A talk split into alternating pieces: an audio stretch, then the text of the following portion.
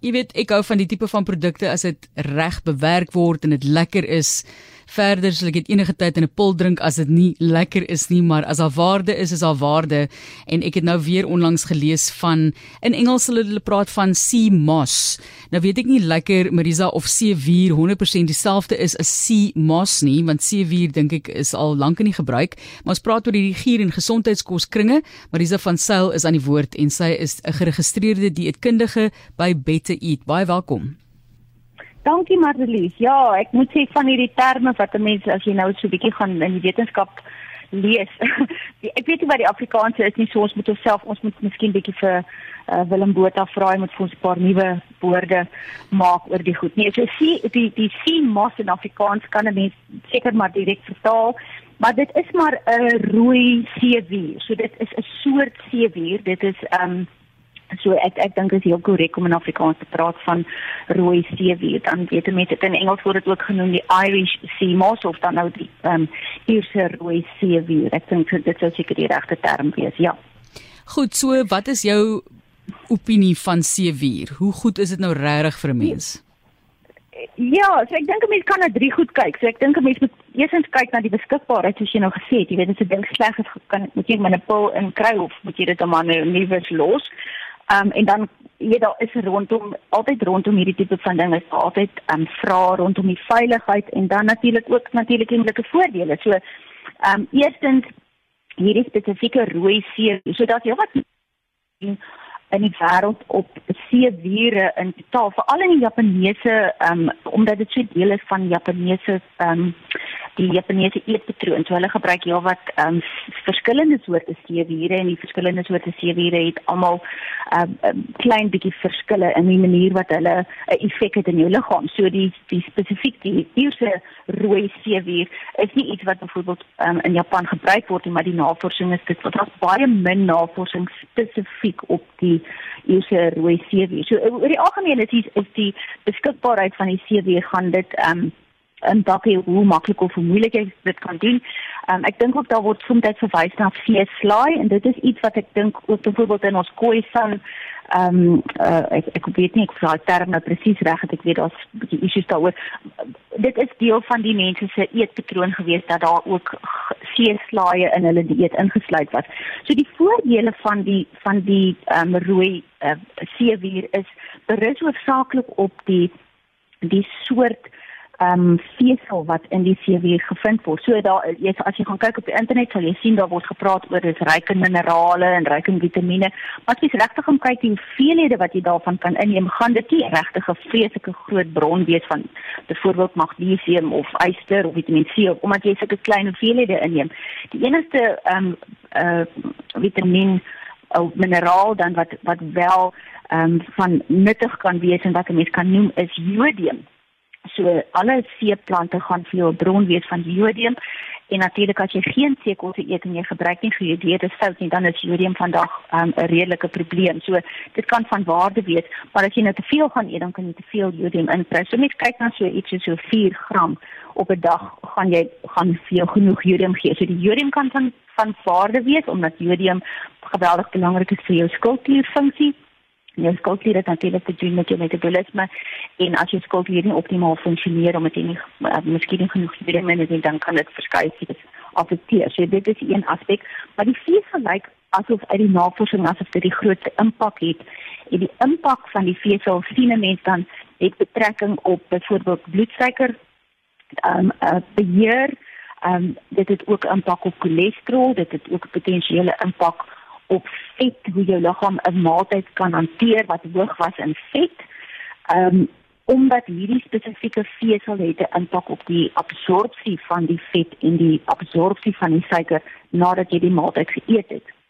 Ehm um, beteken dit nou jy moet nou jou jou pille los of jou ander um, belangrike dinge stappe wat jy neem wanneer jy byvoorbeeld 'n diabetes of 'n pre-diabetes het of as jy byvoorbeeld ly aan hoë cholesterol moet jy dit nou alles um, na die na die wind gooi en net begin 'n uh, 'n sewe slaai eet nie ek dink nie so nie want hierdie vesel kan mense natuurlik dan ook van ander voedselbronne afkry maar dit is hierdie hierdie die die die term wat ons gebruik daarvoor is dit is 'n mucopolisakaried so dit is 'n lang ketting wat eintlik maar net nie deur die menslike spysvertering verteer kan word nie. Um, en die impak is nie net op die op die absorpsie van die vet en die koolhidrate nie, maar dit het ook 'n baie goeie impak op jou bioom in jou spysverteringsstelsel. Kyk Marisa, as ek kyk na hierdie nuwe tipe van soos ons maar sê giere en wat jy moet eet en wat jy nie moet eet nie. As iemand eers sê hierdie is nou vir jou baie gesond, dan dink ek myself, jene, daar's baie goed wat vir my baie gesond is, jy weet.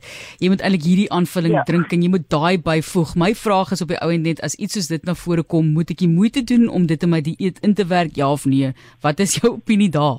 Jy weet want mense kan nou gaan sê jy moet knoffelpille drink want knoffel is vir jou baie goed. So daar is so baie dinge wat vir jou baie goed is. Uh waaraan moet ek geld spandeer? Ja. Ek ek, ek kan nie met jou meer saamstem nie. Ek dink dit is vir mense baie keer 'n um, fout maak in in in hulle benadering tot 'n gesonder eetpatroon. So vir iets om om vir jou um voortdurend voordelig te wees, is dit dikwels nodig dat jy dit voortdurend doen. Nou as jy jouself in 'n finansiële disposisie gaan kry omdat jy nou hierdie duur ingevoerde sewe tablette gebruik of die poeiers koop en dit aanmaak en dit in alles wat 'n smoothie is ingooi.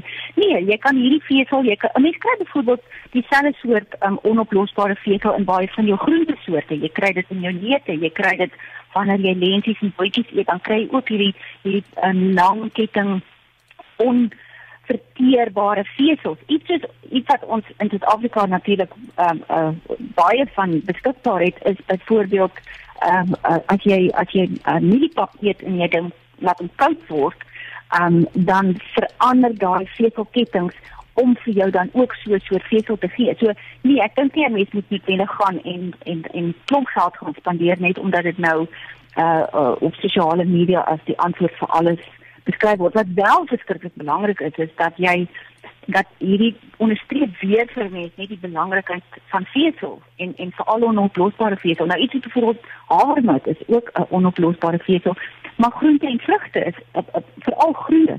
Ehm um, is alles vol vesel. So nee, ek dink nie net hoef noodwendig ehm um, nou te gaan en te geld te spandeer op op uh, rooi ise weer ek kan ek maar my sushi eet. Gaan dit help?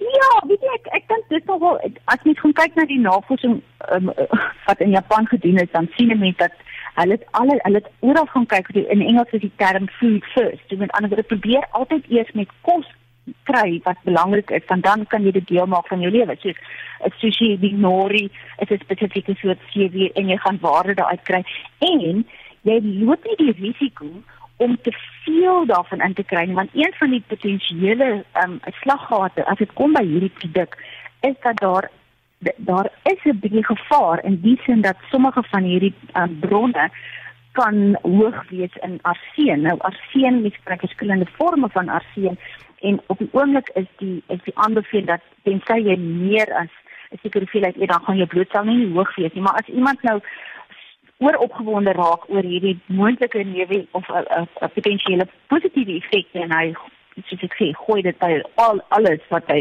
eet dan is daar 'n klein kans dat jy jouself kan blootstel aan aan nie net die arseen nie maar want die die plant neem dit uit die water uit op maar ook aan 'n oordosis jodium. So eet jy sushi as jy ehm um, so net kry daai daai heerlike soms as in die winkel is en jy het lekker terapeute op, dan sien jy soms daai daai uh, sevier chips as jy nou en dan daarvan eet.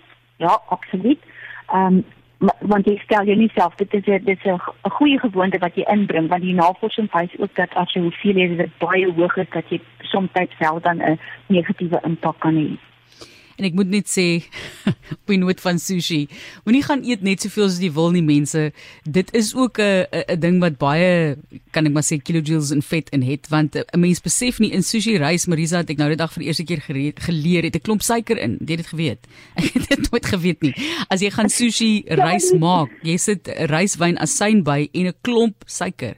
So ek weet nie hoe baie suiker ander mense insit nie, maar dis die dit was die voorskrif verseker nee, jy maak jy maak mos jy kook mos dan die rys so rys op sigself van klaar ja. suiker en nee, alles het alles het in 'n suiker suiker in 'n suiker vorm. En dan as jy nou nog die rys en rys en fyn en suiker ding vir buite, dan gaan jy suiker kry. Ehm um, ja, so gewoonlik die Japaneese tipe van eetpatroon is tipies baie laag in vet behalwe vir die vetterige vis, die, die salm of die vetterige vis wat gebruik word in die sushi, maar Ehm um, kyk ek dink uh, uh, ek dink as jy nou 'n Suid-Afrikaner is en ons is maar ons is maar liever eet en ons ons porsies kan partykeer so 'n bietjie aan die groot kant wees. Ehm um, want dit is lekker en ons kuier saam en dit dit albei dinge werk. Terwyl die Japaneese hulle hulle is baie meer gekontroleer. Baie van die navorsing wat gedoen word uh, word in Japan gedoen omdat die mense so geweldige uh um uh gedisiplineerd is. ja, so ek sê net jou saam. Jy weet gelukkig is sushi nogal duur, so mens kan ook nie sommer sommer oor eet nie, nee. Ja, ek sê vir jou, maar ja. sushi, kom ons praat maar oor sushi ander dag is 'n ook 'n lang storie, maar ek sê vir jou baie baie dankie Marisa vir haar insig oor seewier en hierdie groot gesondheidskos gier. Nou weet jy hoe en of jy daai geld moet spandeer om dit in te werk in jou dieet. Ons sê vir jou dankie. Mooi bly groot plesier. Totiens Martelies. Dit is Marisa van Sail. Sy is 'n geregistreerde dieetkundige by Better Eat.